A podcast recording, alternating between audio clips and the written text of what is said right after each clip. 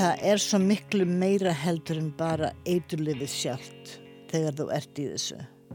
Það er allt lífið að vakna mótnana og þurfa að fara að fá peninga og þurfa að fara og reyna að kaupa það og vona að það er sæmilegt og allur dagurinn fer í þetta. Þetta er allan daginn. Matildur Jónsdóttir Kelly, eða Matta eins og nýjafnan kölluð, á merkilega æfið að baki. Hún fættist í Reykjavík en rúmlega 20 flutt hún til Chicago í Bandaríkjunum og hefur búið þar í rúm 50 ár. Hún fór alveg á botnin, var lengi í mikillir nyslu fíknefna sem hún fjármagnaði meðal annars með vændi. Hún sneri við blaðinu og hefur undanfarna áratvíi hjálpað fíklum á gödum Chicago borgar. Í þættinum í dag ætlum við að heyra sögu möttu. Hvernig er að koma svona aftur til Íslands 50 árum síðar? Ó, það er alltaf æðislegt að koma út til Íslands, já. Um, þetta er, Ísland er alltaf hjartað í mér. Þá ég er heim í bandaríkjanum, þá er alltaf hjartað í mér á Íslandi. Á hverjum degi segja ég, Guð almáttu, ég sér þið esjuna, hún svo agalega falleg og fólk sem að sér þetta á hverjum degi, það var að sjá esjuna ekkert svakalegt, en fyrir mig er það bara Guð almatur, sér þið esjuna og svo dag. Þú fluttir út fyrir 50 ára síðan. 50 árum. Hvað varst það þá gömul? 21. 21? Já. Hvað kom til að flytja til bandaríkjana 21 ára? Ég fór að elda uh, mann sem að ég hitti út á velli. Hann var hérna í hernum og ég hitti hann og þegar hann var farinn þá skrifaði hann mér og sagði ó þú ættir að koma til bandaríkjan eitthvað tíman og ég bara fór. Svoleiðis næstuði svoleiðis, já. Og var ekki erfitt að fara á þessum tíma? Ég var svo ung og hugsaði ekkert. Ég var bara að fara til bandaríkjana þar sem allir voru ríkir og, og allir áttu bíla og hús og svona og Svo ég fór á, á miða sem var einn ferð og með 20 dólara. 20 dólara með? 20 dólara, já. Ekki hugmyndu um, um neitt. Hafði ekki hugmyndu, kunni ekki, þekkti ekki, hafði ekki hugmyndu um, ég var bara að fara til bandaríkjana. Ég var bara hlaup í burtu frá sjálfur mér held ég. Ég er búin að fatta hvað mikið í gegnum árin um sjálfa mig, hvernig hlutinni skeðu. Matildur fættist í Reykjavík 2. januar 1946. Fjölskyldan, sem var barnmörg, bjóð hann í álskutinni þar sem hún sleitt barnskonum og varða ungri konu. Hún varð yfir sig ástfanginu úlingsárum, varð ófrísk 19 ára, en fljóðlega eftir að sonunum kom í heiminn fór að ríkta í stóðum sambandsins. Ungu fóröldarinn hættu saman. Matta réði ekki við að sjá um drengin einn, þannig hann bjóða mestu hjá föðurfóröldrum sínum. Hvernig var þetta búið að vera áður að fórst út? Uh, ég var hérna fann að drekka aldrei og ég hafði enga góða vinnu. Ég, þegar ég horfi aftur á þetta þá fannst mér bara ég hef ekki kunni neitt. Ég var bara vön að passa krakka og já, ég, ég fannst ekki kunni neitt. Ég kláraði ekki skólan og Já, svo ég held að hérna, svo fór ég bara parti og drekka og, og sónu minn var alltaf hjá ömmu sinni og já, það voru erfiði tímar, það voru erfiði tímar, ég var ekki lengur með hérna basfadir, bas basfadir, já. Ég held að ég hafði ekki haft neina, uh, hvað er orðið, þegar þú hefur eitthvað til þess að aðstóða þig og sína þér og segja þér hvernig, hvernig þú ættir að gera þetta eða hvert þú ættir að fara til þess að fá hjálp. Og kannski var engin hjálp þá. Ég held að allar, allt ungt fólk þurfti bara bjarga sér sjálft svona. Svo þegar ég lít aftur á það þá held ég bara ég var að hlaupa í burtu frá sjálfur mér.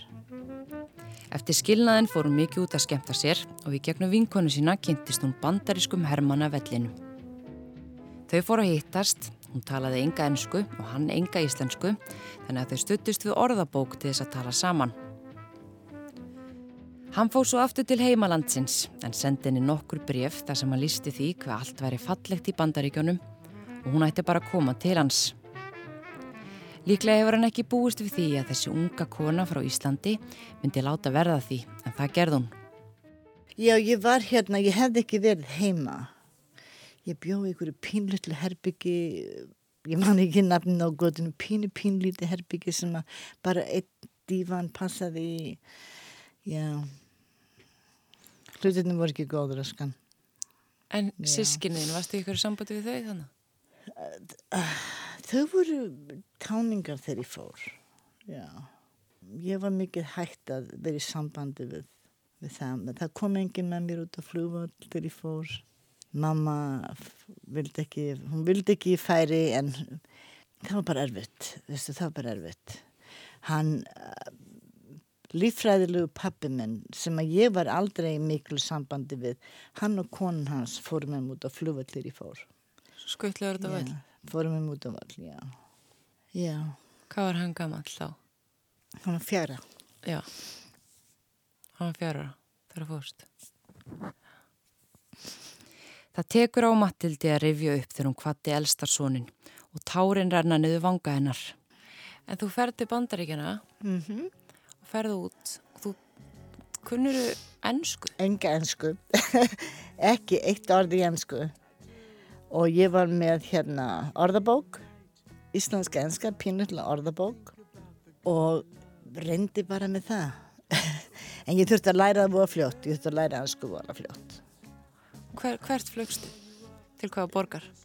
Á Chicago Mér minnir hefði tekið svona 20 klukktíma að fljúa en hérna langferð endaði í New York var þar í nótt og fór svo í hérna um, fljúa til Chicago var með pínlítið miða með adressa á því og reyndi að fá fólk til þess að hjálpa mér ég held að það hefur ykkur já það var ykkur í Chicago sem að ég síndi miðan og þau hjálpið mér að fá leigubíl. Og ég fór þangað og þegar ég var búinn að borga fyrir leigubílinn það átti ég 8 dólar eftir. Af þessum 20 sem þú já. akkur ég man eftir því, ég veit ekki.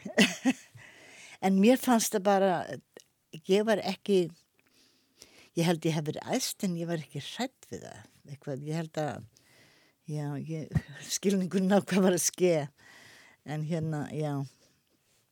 Þetta hefur verið ótrúlega á þessum tíma verið ótrúlega svona ólíkir heimar að fara frá litla Íslandi litlu Reykjavík hvað sem nánast allir þekki alla. Allt, allt svo stort og allt svo mikið og búðirnar og það var svo mikið var svo heitt um sömarið, ég kom held í april og hvernig fólk klætti sig, ég kom ég var í bleikri drakt með, með skinn, svo svakalega fín og fólk var bara í galabúsum og svona ég var alveg neiksluð en hérna ég held að þau sem að mér hefði skilið var að þau var pínlítið rík en þau voru ekki rík Það var ekki allt sem síndist þegar matta kom út. Herrmaðurinn, Robert Kelly, hafi greinlega ekki búist við að hún kæmi.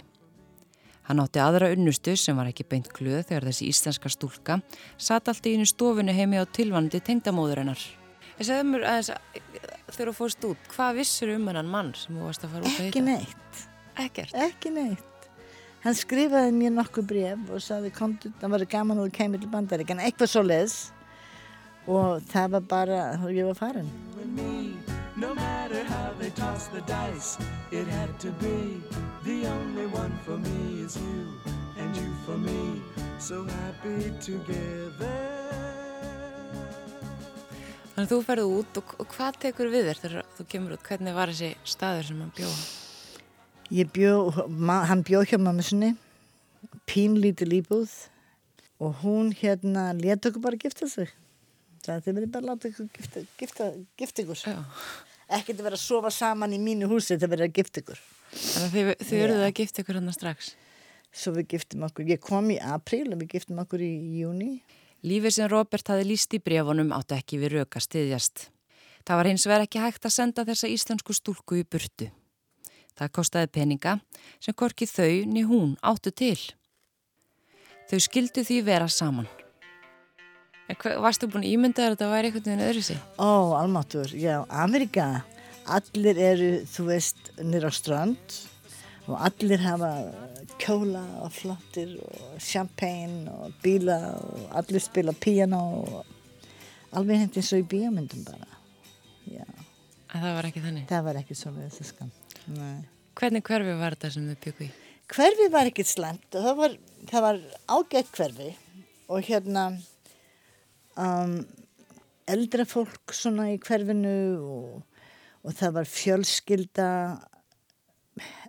hans sem átti heima nálægt og svona. Ég fóð nú ekki marst ég þurfti alltaf að fara með einhverjum að ég rataði ekkert og kunni ekkert og talaði enga ennsku svo ég var alltaf með, með mamma hans eða með honum og svona. Og hvernig kom ennskan? Ennskuna lærði ég frá sjónvarpinu og það var hérna uh, þáttu sem hér Dark Shadows í gamla daga og ég horfði ofta það. Og ég lærði frá því bara. Og ég reyna að lesa bækur. Ef ég skildi annað að þriða eða fjörða hvert orð þá gæti ég svona komið saman sögunni. Svo þetta bara, ég lærði þetta bara sjálf Þetta hefur tekið svolítið áhuga og Já, þeirra að læra þetta maður svona. varð að gera það, ég varð að gera, ég varð að læra, að ég varð að læra að tala. Þannig þegar þú kemur út Já, og hittar þennan mann sem þú er hitt á Íslandi áður, já. hvernig gæstu tala við hann? Hann talaði enga íslensku og þú eitthvað ennsku. Við töluðum í gegnum bók, það var, við töluðum ekkert mikið. við töluðum ekkert mikið, það var bara, heyrð með bókina og sjáðu þetta orð. Já, það var, við töluðum ekkert mikið. Ég man það ekki, elska mín. En einhvern veginn, ég var ofrisk, ég veit það. Svo, já, svo við töluðum ekkert mikið, við þekktum ekkert hvort annað. Og hvernig voru svona fyrstu mánuðin úti? Fyrstu mánuðinir voru, fyrstu mánuðinir voru, ég man það ekki mikið, ég man eftir að það var oft verið að rífast um að ég var þar. Að því að ég heyrði nafnum mitt oft. Þeir var að rífast og ég var inn í herbyggi og, já, Þau hefur kannski ekki- fundist að vera mjög Áður- velkomin fyrst. já, áður en að hérna, hún let okkur gifta sig. Hún fór með mig og ég, við, hérna, ég sátti, ég, ég man ekki hvort það var áður eða eftir að við giftum okkur sem hún fór með mig niður í til þess að sækja um ríkisborgara rétt. Og hérna, og svo þurftum við að finna íbúð, að fá íbúð sjálf. Við gerðum það, hann var að vinna og þetta var erfitt að- því að ég þekkti engan og kunni ekkert og vissi ekkert. Allen í ókunnur borg, já. En einhvern veginn komst, komst maður í gegnum þetta. Ég hérna hugsaði oft um að reyna að fara aftur heim. En ég hafði allt og mikla skam fyrir því að- reyna að byggja einhvern um að borga fyrir mig miða og fara heim. Fannst þið þá eins og það hefði, það hefði ekki tekist þér? Eins og það hefði mistekist? Í Stundum, já. Ég var svo einmanna í svo mörg ár. Lífið í bandaríkjunum var ekki til líkingu við það sældar líf sem hún hafði ímyndað sér að Ameríkan hefði upp á að bjóða. Matta var fljótlega ólétt. Þau eignust fyrst dótturina Angelique og stuttur síðar sonin Kevin. Matta fór að vinni vegsmiður sem framleiti spilakassa fyrir spilavitin í Las Vegas. Sambúð hjónana gekk ekki vel og drikja hans jógst mikið. Í æfisögu Matildar, sem ber nafnið í viðjum Vímu og Vændis og sýstir hennar Hafdís Péturstóttir skráði, segir hún frá því að hann hafi beitt hana ofbeldi. Á endanum var svo komið að skilnaður var óumflíjanlegur og þau skildu árið 1972. Við þekktum ekkert hvort annað, við vorum ung. Ég var nú ekki auðveld, er ég viss. Og hérna, ég var ekki auðveld, held ég. Frekja, kannski. En við- okkur kom ekki saman, hann drakk aldrei og ég, ég var bara aldrei hamingjusum. ég hef aldrei verið hamingjusum. Nei, var, það var bara, við vorum ung, við þekktum ekki hvort annað með tvo krakka og hann var ekki búin að partíja nógu mikið, skiluru. Við vorum bara ung, villaus, þekktum ekkert hvort annan. Mata gæti ekki hugsað sér að fara til Íslands með skottið á milli lappana og fekk því legða íbúð fyrir sig og börnin sín tvö. Þau áttu lítið en gerðu það sem þau gáttu við það sem þau höfðu. Máluðu gömul húsgögg sem henni hefðu áskotnast. Hún kynntist fljótlega öðru manni og egnaðist með honum yngstu dóttu sína, Michelle. Sá létt sig þó hverfa þegar dóttirinn kom í heiminn og skömmu eftir það kynntist matta öðru manni sem kynnti hana fyrir eitulöfjum, nokkur sem átt eftir að stjórna lífennar næstu áratugi. Þarna hefði hana þó ekki gruna það. Eftir skilnaðinn þá hérna var ég, ég var ennþá að vinna daldið og hérna ég flutti, ég flutti í þetta hús, þessa íbúðarhús sem að voru svakala mikið af, af hérna konum sem voru skildar og það var alltaf kallmenn eins og fugglar í kringum þetta og, og það var stórgarður fyrir aftan og það var alltaf einhverjir kallmenn að hanga þar og svona.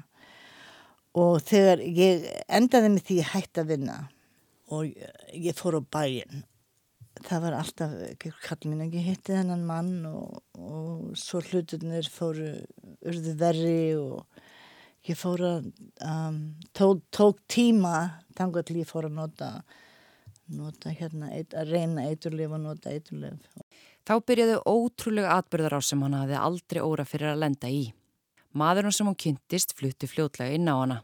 Fyrstum sinn hjælt hún að hann væri með sigursíki og þyrti þess vegna að spröyta sig.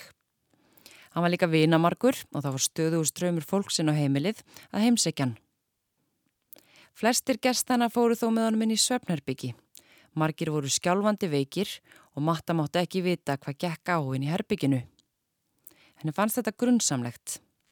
Hún segist þó að hafa verið gjörsamlega glæra á þessum tíma og ekki haft hugmyndum það sem kom svo í ljós, að kærastinn var eitulefja fíkill. Eitt daginn ákvað hún að opna dyrtnar að sínu eigin svefnarbyggi og komast að því hvað gengi eila á þar inni. Þá sá hún að kærastinn var að spröyta konu. Hann sagði henni þá að þetta væri það sem þau gerðin í svefnarbygginu og bauð henni að prófa. Henni myndi líða betur. Að þegar þú flyttaði þetta hafður ekki svona neitt grun um hvað var í gangi ekki kringu? Ekki hugmynd, ég, hef, ég vissi ekkert um svona hluti. Ég reykti síkaretur og stundum drakk pínutið en ég hafði ekki hugmyndum eiturleif og ég vissi ekkert, ég held að marijuana var te sem þú drekkur og ég hafði ekki hugmyndum hvað heroin var eða önnur eiturleif, pillur, fólk að taka pillur og sveppillur og, og taugapillur og allt þetta. Ég hafði ekki hugmyndum þetta dót. Ég vissi ekkert um eiturlöfi í nótkunn. Ég var ekki frá þeim heimi þá. Manstu hvernig þú prófaði þetta fyrst? Já, já. Þessi maður sem ég var með, það var alltaf, það var alltaf að koma gestir og þau þurftu alltaf að tala einhver leindamál og í mínu húsi.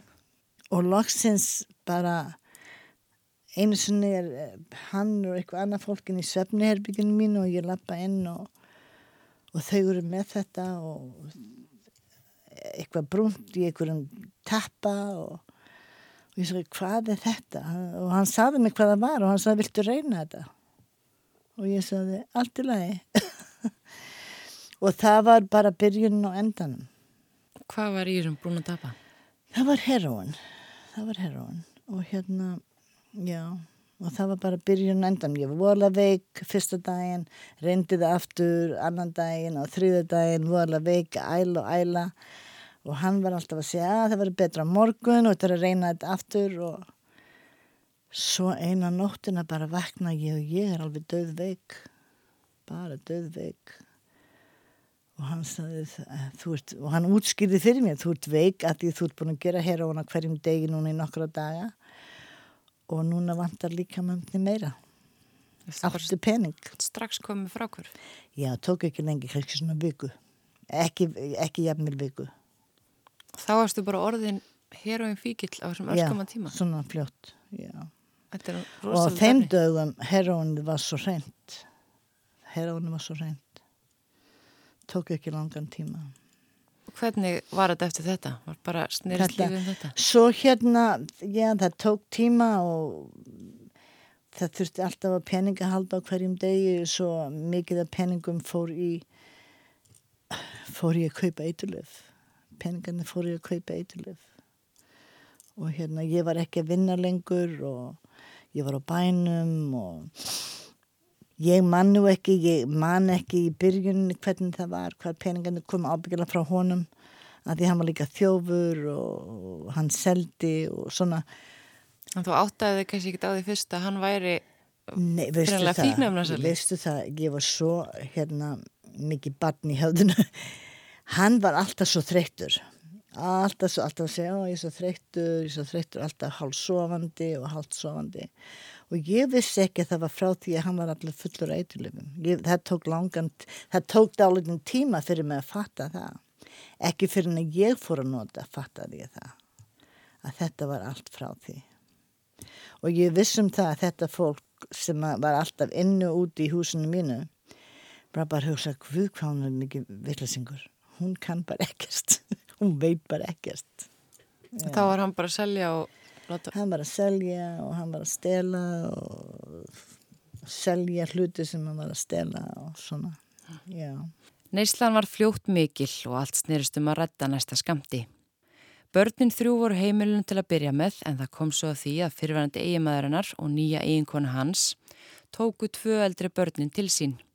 Svo yngsta, Michelle, bjó hins var alltaf á heimilinu og oft við hörmular aðstæður og sá ímislegt misfagurt. Það var eins og einhver hefði bara rifið um í hjartað. Það var hræðilegt, langan tíma það var, ég, ég vissi hvað þetta gera, ég gæti ekki gert, ég er á eiturlöfjum, hver getur hjálpa mér? Það var enginn til þess að hjálpa mér. Ég vissi ekki, ég myndi ekki eins og hafa vitað hvert ég gæti farið til þess að fá hjálp, lögfæðinga hjálp og svona. Ég kunni ekkert, vissi ekkert. Angelique, eldri dóttir möttu, man eftir því þegar hún bjó ekki lengur hjá mömmu sinni. Örlögin hafa hagaði þannig í dag að Angelique byrju í Íslandi. Hún flutti til Íslands þegar hún var rúmlega tvítug og matta kemur stundum hingað á heimsækjarana. En hún man ennþá eftir því þegar hún kom að heimsækja mömmu sína þegar móðurina var í misjöfni ástandi. Ég man smá eftir að búa með mömmu. Ég man bara smá eftir því. Eins og mamma sagði ég var tekin af henni. Því ég var svona, ég veit ekki, fjör, fimm ára. Fimm ára. Ég man eftir því. Já, ég man ekki beint eftir að vera tekin af henni en ég bara man eftir að ég bjó ekkert hjá henni lengur, lengur sko. Ég man eftir að búa hjá henni og svo allt íni var ég ekkert að búa hjá henni. Ég bjó hjá ömmu mína. En hérna, jújú, jú, og svo hérna bjó hjá ömmu mín í nokkur ár og fekk að sjá mamma af og til að því þó mamma var í hennar ástand þá var amma svolítið góð að sníkja. Ég mátti ekki sjá mömmu sko, pappi var búin að banna það.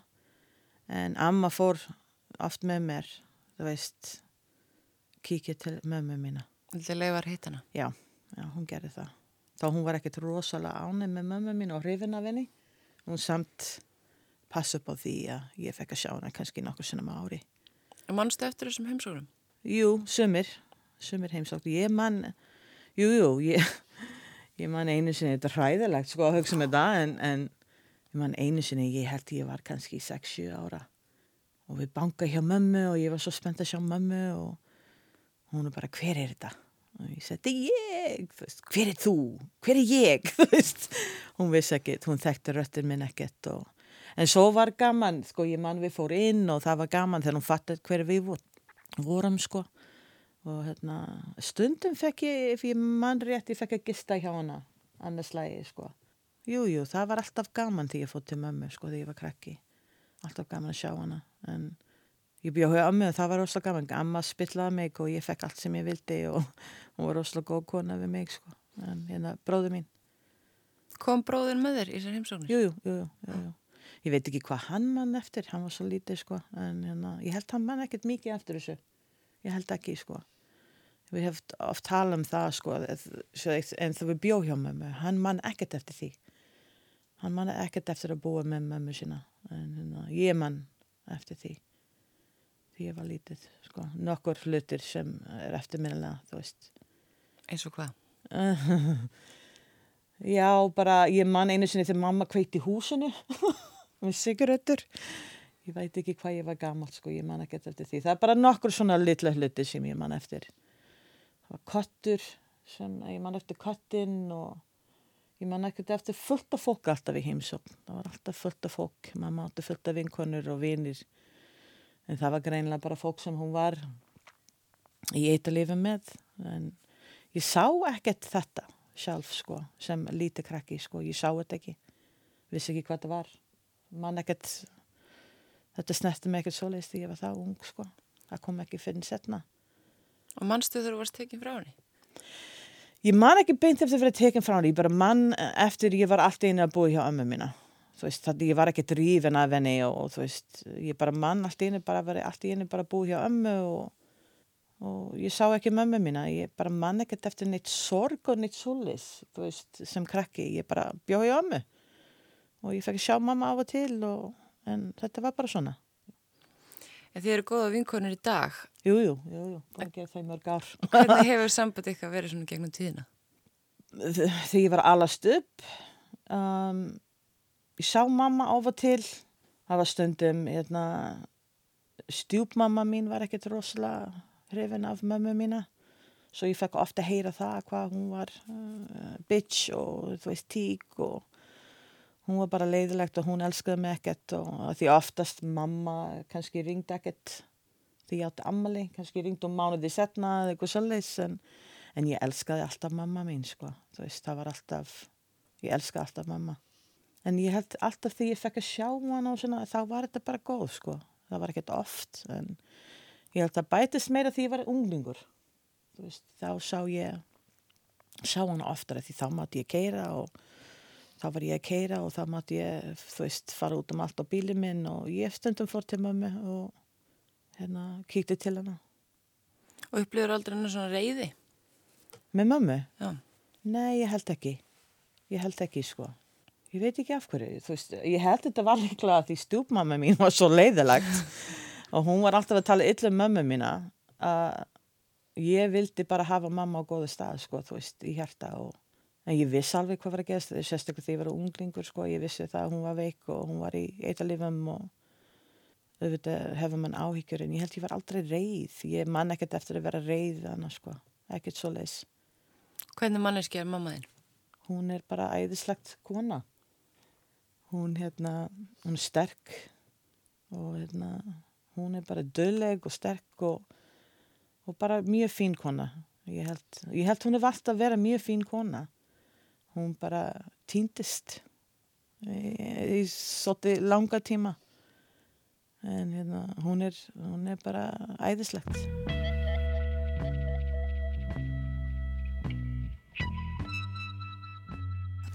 Þegar hún var átjan ára þá held átjan ára, já, ég held hún að vera átjan þá kom hún bara til minn hún elskaði mig alltaf svo mikið.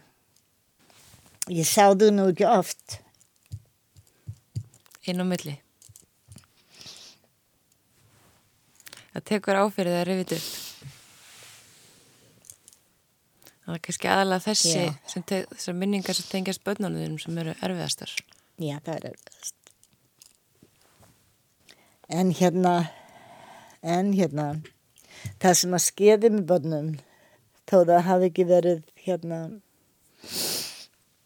kannski það besta fyrir þau það var það besta fyrir þau. Af því ef þau hefði verið bara með mér þá hefði kannski bærin tekið þau. Svo að hérna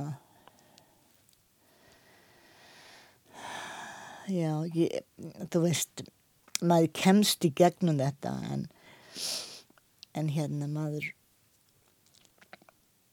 áhrifin sem maður hafði á krakkana.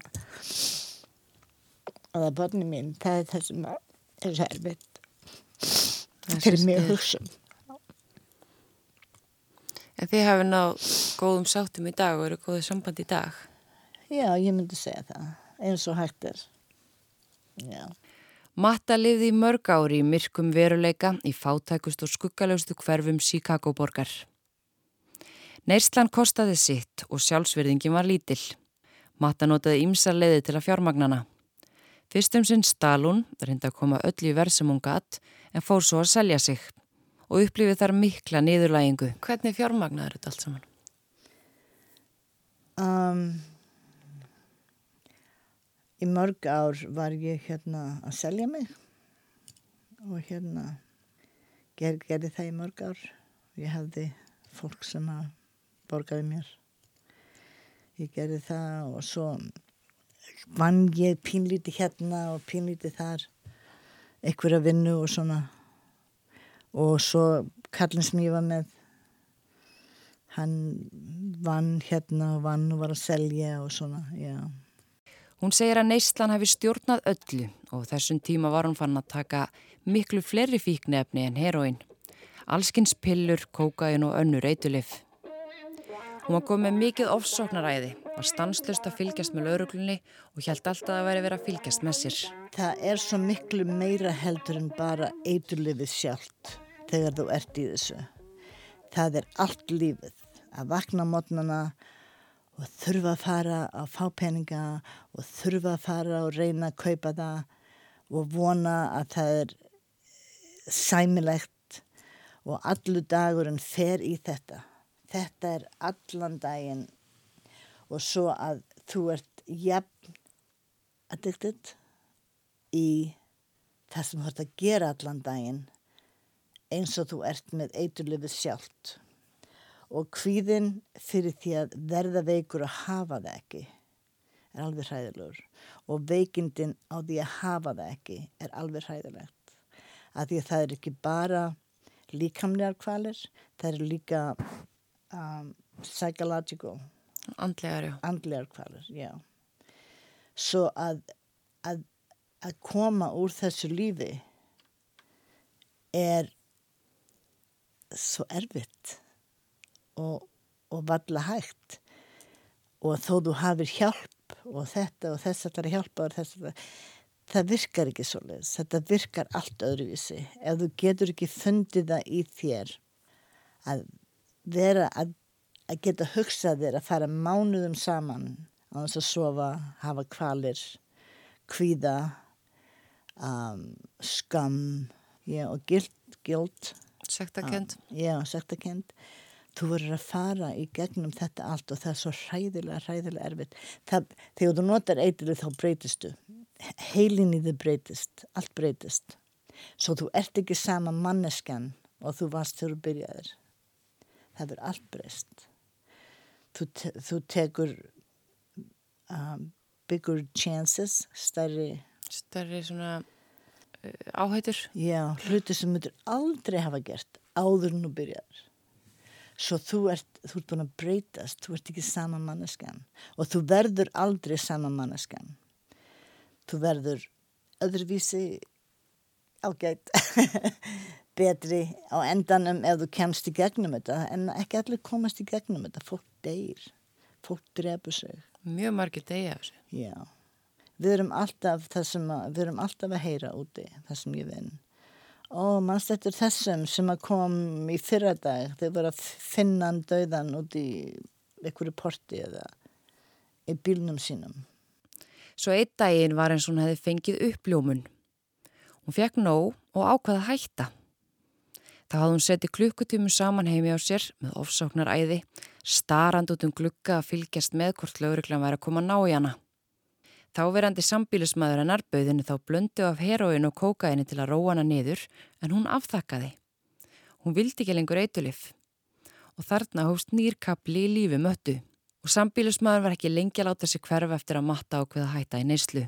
ég var bara, hvað er ég að gera hvað, hvað er ég að gera og hérna og maðurinn sem ég var með, hann kom hann sagði, heyrðu, þú verður að hægt kondu glugganum hérna, að ég var svo að ég var á kokaini og ég var svo paranoid.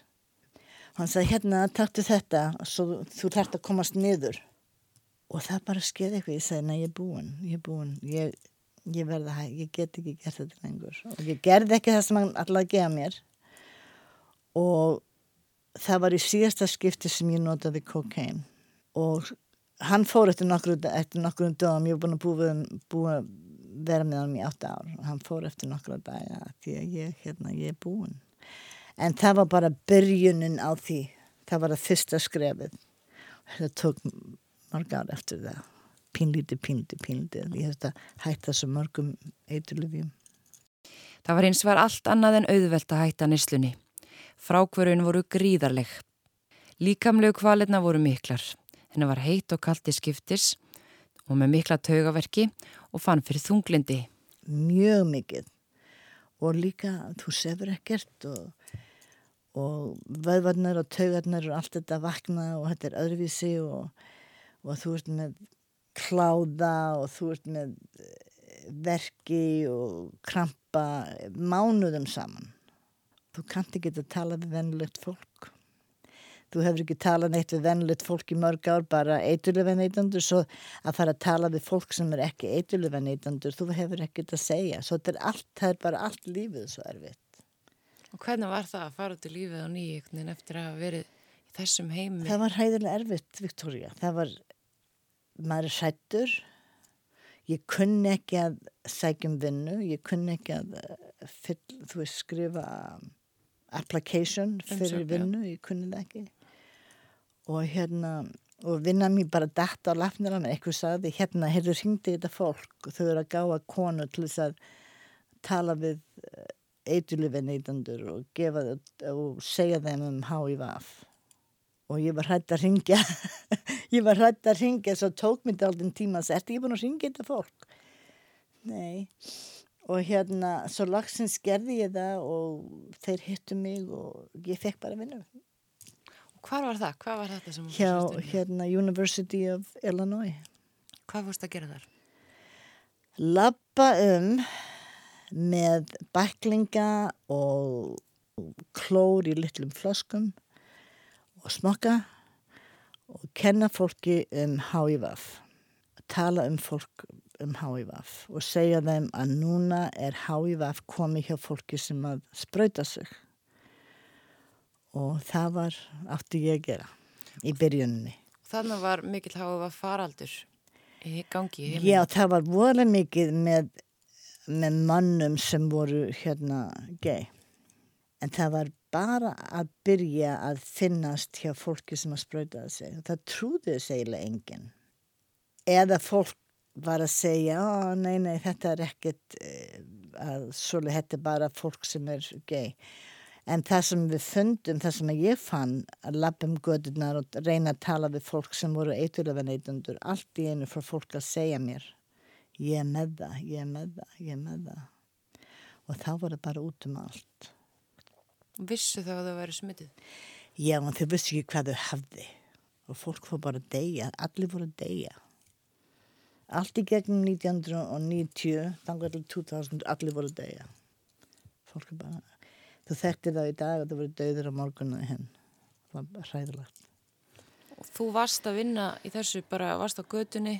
Fyrst vorum við bara á götunni, við höfðum enga skrifstofu og svo byrjuðu þeir hérna að uh, það var ranns, þeir, þeir sóttum peningar til þess að fyrir rannsók, uh, research Mhm. og við fengum að því að við vorum frá því að vera og tala við svo margt fólk við hérna fórum að finna fyrir fólk sem að vildi vera við, með hérna þau gáttu komið, látið taka pröfu HIVAF pröfu tala við þau og spyrja þau spurningar og þau fengu borga fyrir það. Og það var svo margt fólk við fundum svo margt fólk að þau þurftu að loka skrifstofunni og fá stærri fá stærri hérna því allir það bara allt í einu opnaðist bara all, allt opnaðist bara allt og það var allt þetta fólk sem að var með það eða var með einhverjum sem að var með það hafði ekki hugmyndum að þú geti fengið eh, háiva frá því að nota annara manna spröytur og svona. Og þarna á þessum tíma er einmitt, allt þetta er ekkert þekkt, enginn. Nei. Það getur smittast svona eða hversu Nei. smittandi þetta væri. Já, ég, þeir sendu okkur að læra í tvær vikur og hérna við vorum fólki sem að var að vinna við þetta og ég, við vorum bara fólk sem höfðum engan skóla og, og hérna vorum bara, fengum þessa vinnu bara alveg hent svakalega ánað að hafa vinnu eftir að kunni ekki eins og fylla út umsóknum vinnu og Mm. Já, Þannig að þessi vinna sem þú fegst hefur kannski svona bjarga þér frá því að fara Alv- aftur inn í já, heiminn. bjargaði mér. Átti bara að vera svona í tvö ár kannski því að þeir ætluðu bara að gera þessa uh, research, rannsókn og það átti að vera í tvö ár. Og það er búin að vera 30 ár. Og þú ert ennað. Ég er enda þannig, já.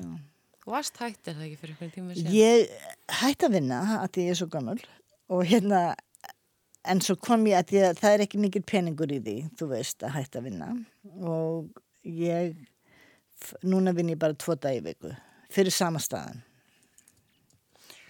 Og þarna ert, þú ert að byrja þarna, þarna eru þið bara á, í rauninni í svona, uh, hvað er þetta, fátækustu hverfi Chicago borgar?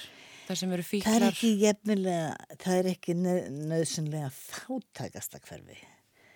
Það er bara hverfi sem að, eins og núna, þá hverfi sem ég er að vinna í núna er að breytast alveg svakalega. Fyrir 20 árum og þetta allt eitt við neytundur, uh, þetta er hverfi sem að vonmart fólk frá Puerto Rico býr í, en núna er þetta allt að breytast og það er að verða minna og minna og minna en samt sem áður eru ennþá eftir svo margir sem að sem ennþá nota eiturlif og þeir koma þangað því það er stór gardur sem að fólk hangir svona á daginn voðalega fallegt. En fólk hangir þarna, kemur saman og hangir á daginn eftir þeir fá sprautuna sína og svona. En þetta er svakalega dýrar íbúður og þetta er svakalega flott. En hérna það sem ég var að vinna á vestur Chicago sem kallaði er Cicero og Madison sem er ekki gott hverfi það er ekki svo fátækt ekki svo agalega fátækt það er bara svo mikið eiturlif og gangs sem eiga bara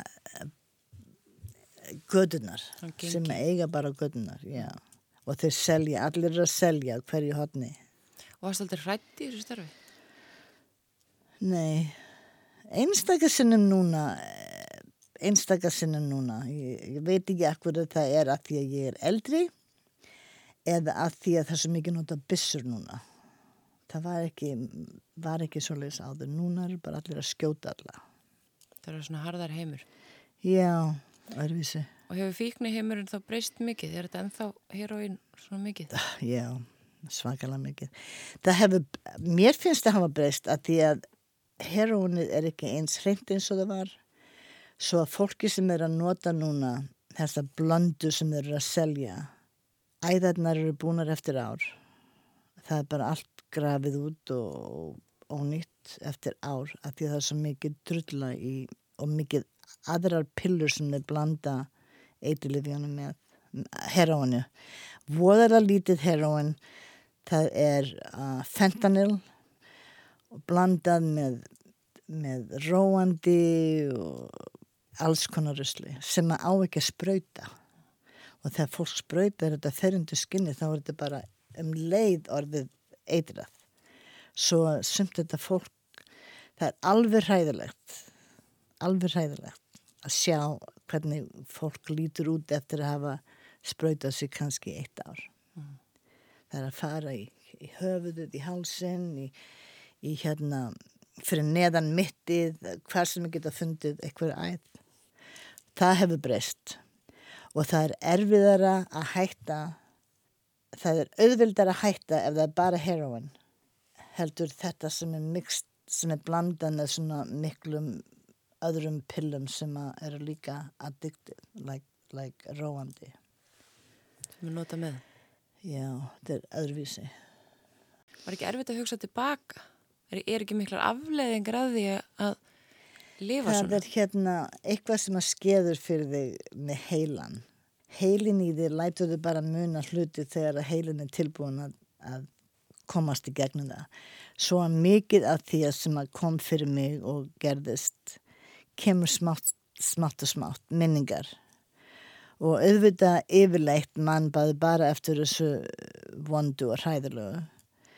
En það voru góðir einstakar sinnum, það var eitthvað, það var eitthvað sem að manni leið ágætlega yfir. Ekki oft. en það, það var lífið mitt. Svo það var það sem var, var það var venjulegt fyrir mig að búa í þessu, í þessu lífi þó það hefði verið fyrir aðra mannesku að líta inn í lífi mitt þá myndi það vera alveg hend ræðilegt en fyrir mig það var venjulegt Já. Hvernig er lífið þitt í dag?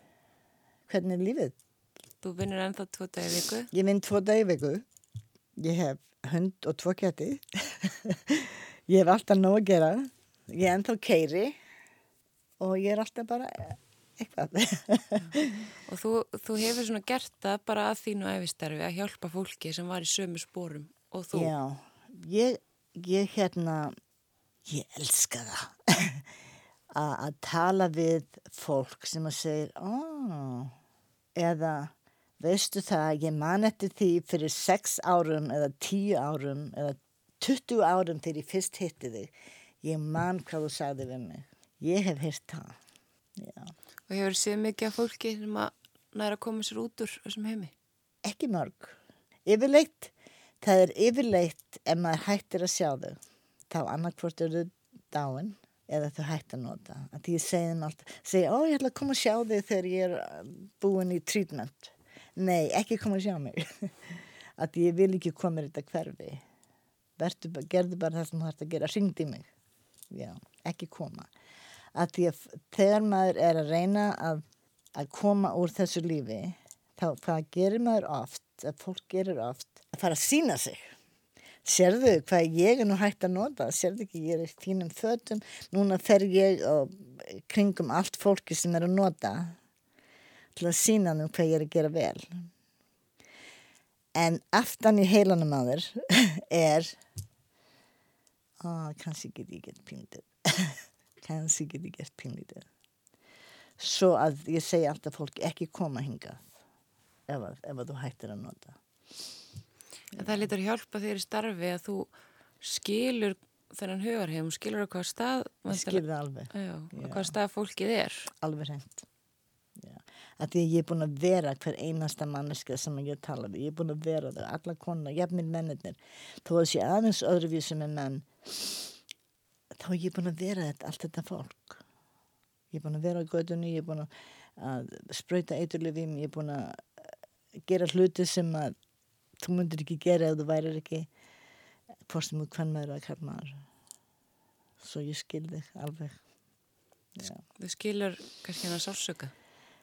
Já, það, það er enginn sem að vaknar einn daginn og segir ó, veistu það, ég ætla að vera eiturlifi neytandi og hóra og þjófur það ætla ég að vera þegar ég er nóg stór Það er enginn sem hugsa þannig. Nei. og það er enginn sem að hugsa ef að ég geri þetta pínlítið, ég geri bara pínlítið það er enginn sem að segja svo ætla ég gera það hverjum degi þannig að ég get ekki stoppað. Nei, það sker ekki svo les það byrja bara að pröfa eitthvað út með vinum og segja, reyndi þetta, fá þér aðeins. Svo er það oft bara fólki sem er í kringum þig sem að sem að hérna, að, fá þér bara aðeins. Heyrði ég á tvo að þú fara einn. Eða eitthvað já, En nú ertu komin áttu til Íslands í smá heimsók, já smá heimsókn 50 ára síðar. já, Hvernig finnst þér að koma svona æsku ég, slúður? ég elska alveg hreint að koma til Íslands ég, ég elska Ísland hvað er ekki að elska um Ísland já Langaði að flytja heim? Já, mér hefur alltaf langað að flytja heim. En hérna, já, þú verður bara að hafa mikla peningar til að flytja heim. Og tryggingu og ég er gömul og kannski ef ég flytt þá hægt get ég ekki keist og svona. Ég er vön lífinu mínu úti og hérna, það er það sem ég er vön. Ég er ekki vön lífinu hérna á Íslandi lengur. Ég var hérna svo stuttan tíma, ég var bara hérna í 21 ár. Þá það er sumt fólk sem að segja við mig Akkur kallar Ísland landið þitt? Þú er búin að eiga heim í bandaríkanum í 50 ár. Já, bandaríkin er það sem ég á heima. Hitt er það sem þú ert. Ég hérna, ég held að, ég held að hérna, þegar þú, þegar þú ferð, þegar þú ferð frá fólkinu þínu og þú ferð frá það sem þú þekkir og það er ekki neinn um, eins og ég fór ekki heim í átjan ár. Ég ég held að vera átjan ár frá því ég kom þegar ég fór heim ég held að vera átjan ár. Þessi tími það er eins og eitthvað degi. Ég, ég I never grieved it skilur mig? Mm já, Það er eins og allt sé bara, þú manst allt eins og var já, þegar þú fórst. já. Ég hef aldrei jafnir mömmu mína að því að ég var ekki hérna. Ég kom bara ég kom bara í jarðaföruna I never grieved her. Bróður minn Bjarni I never grieved him. I, ég, það var maður þarf að fara í gegnum til þess að ég get ekki útskert á, á Nei, ég skilja, það bara er einhvern veginn, svona þarf- tveir skiptir heimar. Já, tveir skiptir heimar og ég hef aldrei geta látið að uh, grieved it. Já, eins og allt fólki sem að dó frá 1989 til 2000 sem að voru, voru sjúklingar, voru fólk sem ég var að hjálpa. All, allir sem, núna er ég allt í einu fann að mun eftir þessu fólki og, og þegar ég keiri að almáttu og þarna og ég fer bara að gráta. Svo þetta kemur eins og ég sagði á þann, heilin í þér, leifið þér bara, leifið þér ekki of mikið allt í einu. Svo þetta legur upp í heilan minningarnar, minningarnar og minningarnar frá hérna á Íslandi, þó ég hefi bara verið hérna í 21 ár.